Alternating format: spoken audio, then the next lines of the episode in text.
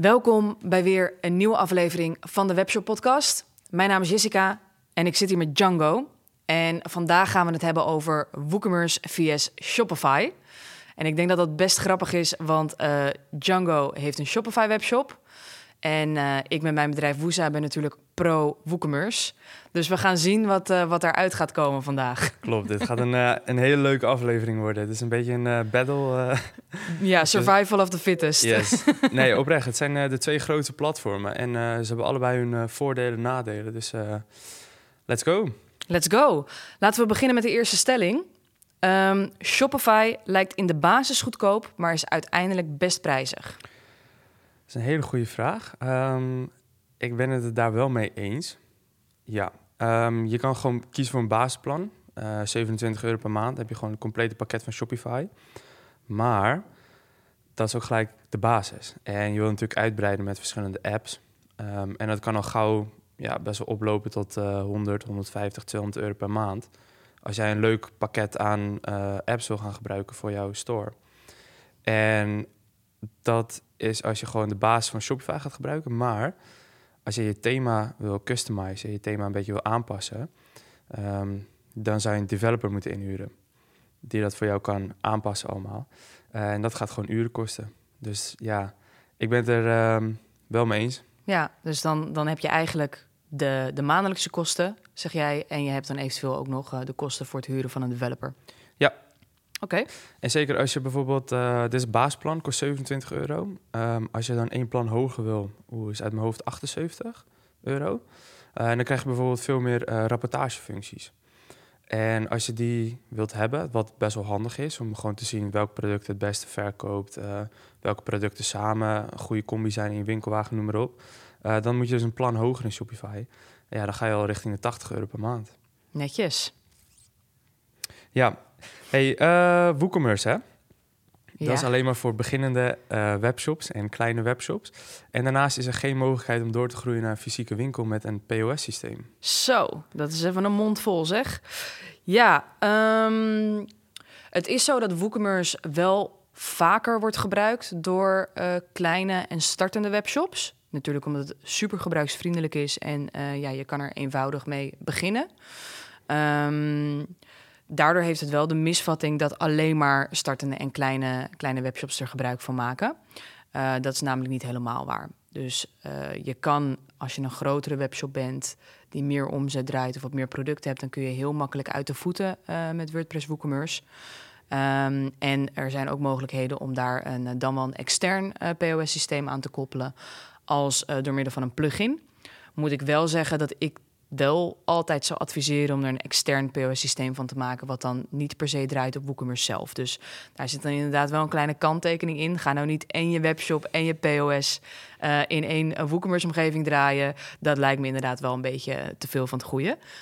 Maar er zijn genoeg softwarepartijen die een POS-systeem aanbieden, die je eenvoudig kan koppelen aan je WooCommerce-shop. Oké. Dat is wel belangrijk om te weten. Want zeker als jij als webshopje begint en je verkoopt vaak fysieke producten, dan heb je de kans dat je bijvoorbeeld over drie tot vijf jaar naar een fysieke locatie wil gaan. Of dat jij een keer op een uh, beurs wil gaan staan. En dan heb je een kassasysteem nodig om op die beurs ook te gaan verkopen. Dus vandaar mijn vraag. Dus het is wel uh, belangrijk dat je daar uh, rekening mee houdt dat, dat die mogelijkheden er zijn. Absoluut, helemaal mee eens. Um, Shopify geeft je weinig flexibiliteit. Oh, absoluut niet mee eens.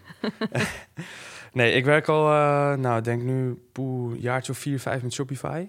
Ik moet zeggen, um, de vorige versies van Shopify, die waren heel gelimiteerd. En toen was ik niet een voorstander van uh, Shopify. Uh, inmiddels wel. Ze hebben nu Shopify 2.0 gereleased, met de thema's dan. En je hebt zoveel flexibiliteit. je kan alles aanpassen op productniveau met productinformatie in het thema zelf. En daarnaast heb je oneindig veel apps die je kan toevoegen om je webshop en uh, backend ervaring gewoon beter te maken. Dus die flexibiliteit heb je er zeker. Alleen, uh, sommige dingen komen wel tegen een prijs. Dus dan moet je een abonnementje voor een app afnemen of je moet een developer inhuren om je thema aan te passen. Maar uh, Shopify is heel erg verbeterd over de afgelopen tijd.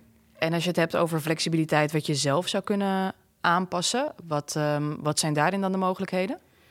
Ehm, uit mijn hoofd heeft Shopify nu een, nou, een halfjaartje geleden ongeveer de thema's uh, 2.0 gereleased. En het houdt eigenlijk in dat je op productniveau bijvoorbeeld afmetingen kan doen met uh, metafields. Dus je zou dan kunnen, uh, een metafield kunnen aanmaken met afmetingen. En dan kan je dat per product kan je dat aanpassen. En op die manier kan je dus de productpagina helemaal customizen naar het product zelf. En dat is een feature wat voor mij heel belangrijk is met, met de bureaustoelen dan. Um, dus ja, op basis daarvan heb je steeds meer flexibiliteit binnen Shopify. Gaaf, leuk om te horen ook dat zij daar ook aandacht aan besteden en meer mee bezig zijn. Want ik denk wel dat dat inderdaad een paar jaar geleden uh, wellicht een grootste valkuil was. Maar uh, ja, Shopify zou Shopify niet zijn als ze dat niet zouden aanpakken. Klopt, ze zijn meer aan het luisteren naar hun ja, gebruikers. En dan heb ik gelijk ook deze stelling voor jou. Van WooCommerce is zonder aanpassingen um, heel simpel en niet flexibel. Je moet dus altijd kennis hebben van een ja, webdevelopment om, om dingen te kunnen aanpassen. Um, ben ik het ook niet mee eens. Um, en dat komt omdat uh, ja, WooCommerce is super gebruiksvriendelijk gemaakt. Uh, ook in combinatie met, met het WordPress CMS natuurlijk. Je kan in de producten zelf kun je heel veel aanpassen. Nou, je had het net bijvoorbeeld bij Shopify over metafields. Dat is een, een standaard. Uh, het is wel door middel van een plugin overigens, maar het is wel een optie om, uh, om metafields ook aan te maken en die overal en nergens te tonen in je, in je website op de voorkant. Um, ook uh, het WooCommerce product zelf qua, qua producten aanmaken, eigenschappen aanpassen, um, eventueel afhankelijk van je thema design aanpassen. Dat zijn allemaal hele eenvoudige dingen. Alleen Um, ik ben het wel met je eens. Er zijn zoveel plugins en zoveel thema's beschikbaar bij WooCommerce. Dat je als starter wellicht de bomen door het bos niet meer ziet en daarin de verkeerde keuze maakt. Want het feit dat er zoveel zijn, betekent niet dat ze ook allemaal goed zijn. En ja. daardoor kan je het ingewikkelder maken dan dat het daadwerkelijk zou moeten zijn. Dus dan denk ik voornamelijk dat de flexibiliteit soms te veel is. waardoor je het um, ja, door de verkeerde keuze als, alsnog ingewikkeld maakt voor jezelf. Oké, kom ik gelijk ook bij de volgende stelling die ik heb van uh, de thema's van WordPress en dus ook van WooCommerce. Uh, die zijn niet per se ontworpen voor e-commerce. En die stelling heb ik gemaakt omdat ik vind dat WordPress in, in zijn basis, zeg maar, totaal gewoon niet gefocust is op uh, online verkopen van producten. Oké. Um, kan ik ergens inkomen als het gaat om het verleden van, uh, van WordPress? Want WordPress is natuurlijk gestart als uh, zijnde blog-CMS. Nou ja, een blog-CMS is niet per se een verkoopkanaal. Dat is puur gewoon lekker tekst schrijven, over onderwerpen uh, schrijven en dat, dat publiceren. Um, wel moet ik zeggen dat, dat sinds WordPress WooCommerce heeft overgenomen. WooCommerce is eerst standalone gebouwd door andere developers. Uiteindelijk heeft WordPress uh, WooCommerce overgenomen. Dat is uh, het moedermaatschappij Automatic. Sindsdien zijn ze wel steeds beter bezig met uh, ja, WooCommerce echt wel een goed e-commerce platform te maken. Um, en je hebt daarin nu gewoon de keuze qua thema om het juiste thema te kiezen die, jou, die jouw website echt helemaal omtovert tot een webshop.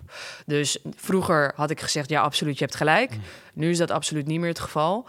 Uh, ik ben zelf bijvoorbeeld fan van het Flatsum thema. Die beveel ik ook eigenlijk altijd en alleen maar aan. Ja. Um, dat is wat mij betreft het beste thema en het enige thema wat je zou moeten kiezen als je een webshop gaat bouwen. Zelfs woesa.com is daarop gebouwd. Nou, kijk er maar naar. Het is echt. Uh, het, het, lijkt niet eens meer op een WordPress webshop. Dus uh, je moet wel dan in de juiste keuze maken uh, wat voor een thema je gaat gebruiken. En ik ben zelf persoonlijk niet heel erg weg van alle page builders die in omloop zijn.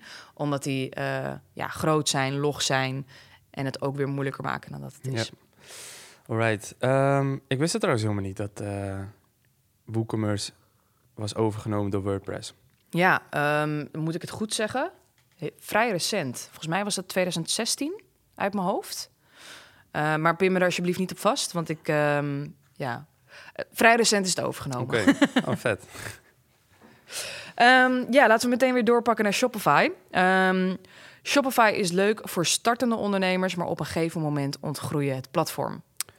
Leuke stelling, ben ik het totaal niet mee eens. Want je hebt ook, je hebt zeg maar de basis Shopify, dat zijn gewoon de drie verschillende abonnementen die je kan afnemen. Uh, maar op een gegeven moment dan, als je gewoon een paar miljoen doet per jaar, um, dan kan je overstappen naar Shopify Plus. En dan krijg je echt het complete pakket, letterlijk alles wat je nodig hebt. Um, je kan alles aanpassen wat je wil. Ehm, op themaniveau, maar ook ehm, op basis van verschillende flows maken. Dus eh, als dit gebeurt, dan dat. Eh, dat zit ook allemaal ingebouwd in Shopify Plus. Dus ik ben het er niet helemaal mee eens. Ehm, je kan Shopify Plus meer vergelijken met bijvoorbeeld een Magento. Het zijn veel uh, completere pakketten, veel uitgebreider. maar je kan er echt nou ja, 100 miljoen per jaar mee draaien op Shopify Plus. Dat is no issue. En hoeveel betaal je daarvoor? uit mijn hoofd begint dat vanaf 20.000 euro. Per, maand? Nee, nee, per jaar. Oh, oké. Per jaar. Ik wou net zeggen, ja, voor 20.000 euro per, uh, per maand. Uh. Nee, dat, uh, dat gaan we niet doen. Oké. Okay, nee, maar de, oprecht, je kan met Shopify meegroeien zolang je bedrijf ook meegroeit. En ja, er zijn meerdere mogelijkheden, zoals bijvoorbeeld een Magento of een Shopware. Um, maar Shopify Plus is ook een goede optie. Ja. Tof. Goed om te horen. Hey, om een succes te maken van WooCommerce heb ik veel verschillende apps nodig. Want je hebt bijvoorbeeld ehm, uh, nou ja, de WooCommerce app zelf nodig. Maar als jij bijvoorbeeld een upsell wil maken, dan heb je ook een app nodig. Uh, als jij je verzend, um, ja, je logistieke afdeling zeg maar, wil koppelen aan uh, WooCommerce, heb je ook een app nodig. Dus letterlijk voor alles heb je een app nodig. Wordt het dan niet een beetje wat trager? Hangt er vanaf hoe je het implementeert. Um, ik, ben, ik, ik ben een pluginbouwer. Althans niet ik, mijn bedrijf is een pluginbouwer. Maar tegelijkertijd heb ik een hekel aan plugins. Uh, en dat komt omdat ik weet dat mijn plugins sterk stabiel zijn en uh, in ieder geval je website, voor zover wij dat kunnen controleren, niet vertragen. Maar ja, het feit is wel, um, er zijn heel veel gratis plugins in omloop, ook heel veel premium overigens. Uh, en je moet je voorstellen dat, dat uh, de ene plugin is door een, uh, iemand uit China gemaakt, de andere plugin is door een Spanjaard gemaakt en de andere plugin is weer door een Nederlander gemaakt. Nou ja, je kan je voorstellen, ondanks dat het allemaal dezelfde codetaal is, PHP, dat toch iedere developer een eigen interpretatie heeft van, van hoe die die code moet gaan toepassen. Dus dat gaat conflicten opleveren. En daarom ben ik niet echt fan van heel veel verschillende plugins van verschillende ontwikkelaar in één shop gooien. Dus wat dat betreft uh, ben ik het wel met je eens dat dat je webshop, webshop zou kunnen vertragen. Tegelijkertijd um, zijn er ook andere alternatieven om bepaalde processen in te regelen. Dus stel je maakt gebruik van een SendCloud bijvoorbeeld om, om je logistieke uh, proces te regelen. SendCloud werkt bijvoorbeeld niet met een plugin. Uh, daar kun je op de WooCommerce API. Ze hebben wel een plugin, maar je kan ook gewoon met de WooCommerce API koppelen. En dat betekent dat je um, dat letterlijk op het moment dat er een bestelling binnenkomt, de bestelling doorgestuurd wordt naar SendCloud.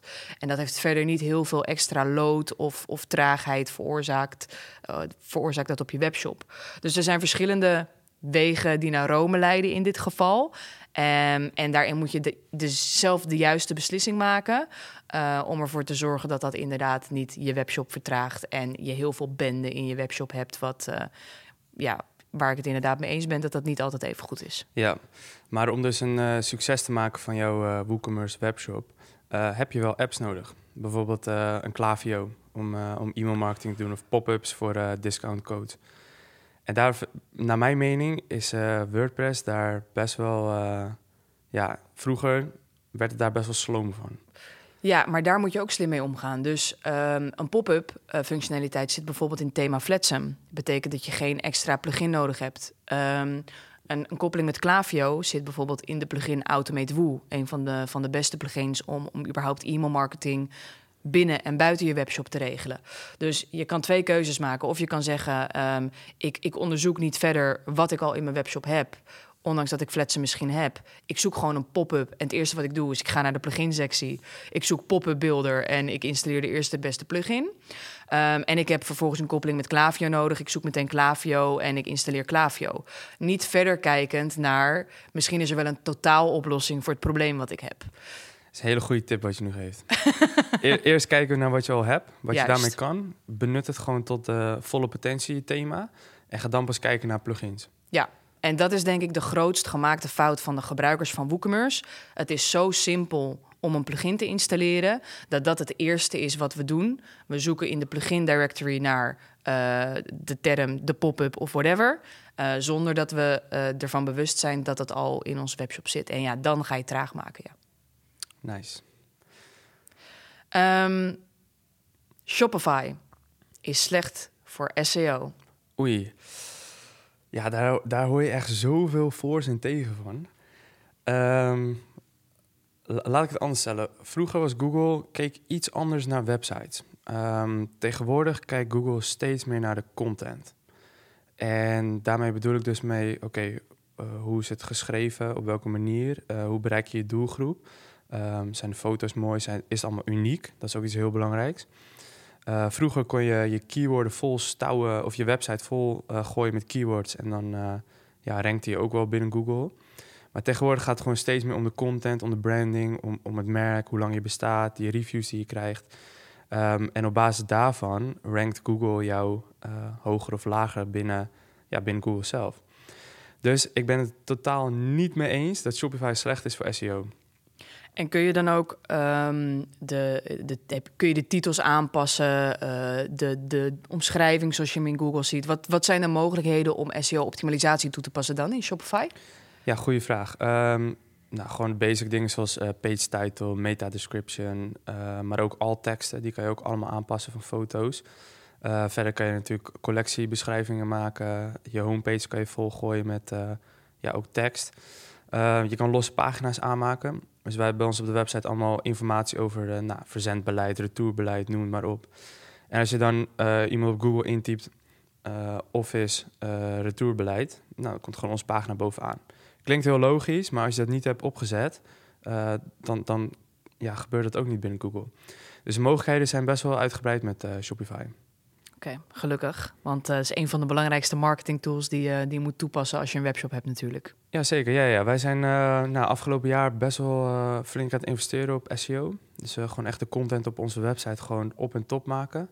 Dat sowieso überhaupt alle informatie beschikbaar is. En ja, dat klanten ook ja, hun producten op de juiste manier kunnen vinden. En ook op de makkelijkste en efficiëntste manier eh, binnen onze website.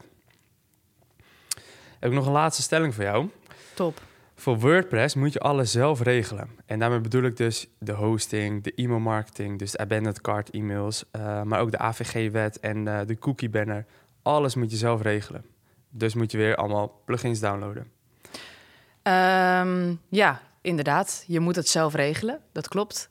Uh, dat betekent niet dat het daardoor veel meer werk is of lastiger is. Want elke hosting provider, nou, er zijn er honderden, heeft een, een WordPress installknopje en uh, begint te ratelen en je hebt een WordPress website. Dus dat, uh, dat maakt het niet moeilijker. Het is natuurlijk wel zo dat je uh, geen directe support hebt. Dus bij Shopify kan je letterlijk support.shopify.com mailen volgens mij. En dan, dan kun je je vraag stellen en krijg je antwoord van een agent. En ja, bij WordPress is dat niet zo, maar WordPress heeft natuurlijk wel een hele grote community. En uh, dat hebben ze op WordPress.org. Dat hebben ze op Facebook. Hebben ze een hele hoop groepen. In Nederland heb je al twee of drie grote groepen waar je vragen kunt stellen. Dus um, je krijgt er niet minder informatie of minder hulp door. Sterker nog, ik denk dat als jij een post gooit in een Facebookgroep, dat je sneller een antwoord hebt dan als je um, Shopify support mailt. Maar uh, ja, daar heb ik zelf geen ervaring mee. Dus uh, ik weet niet hoe snel ze zijn. Maar ja, Facebook is gewoon ik plaats hem nu en binnen vijf minuten uh, heb, heeft wel iemand uh, gereageerd op die post. Dat is wel heel nice, ja.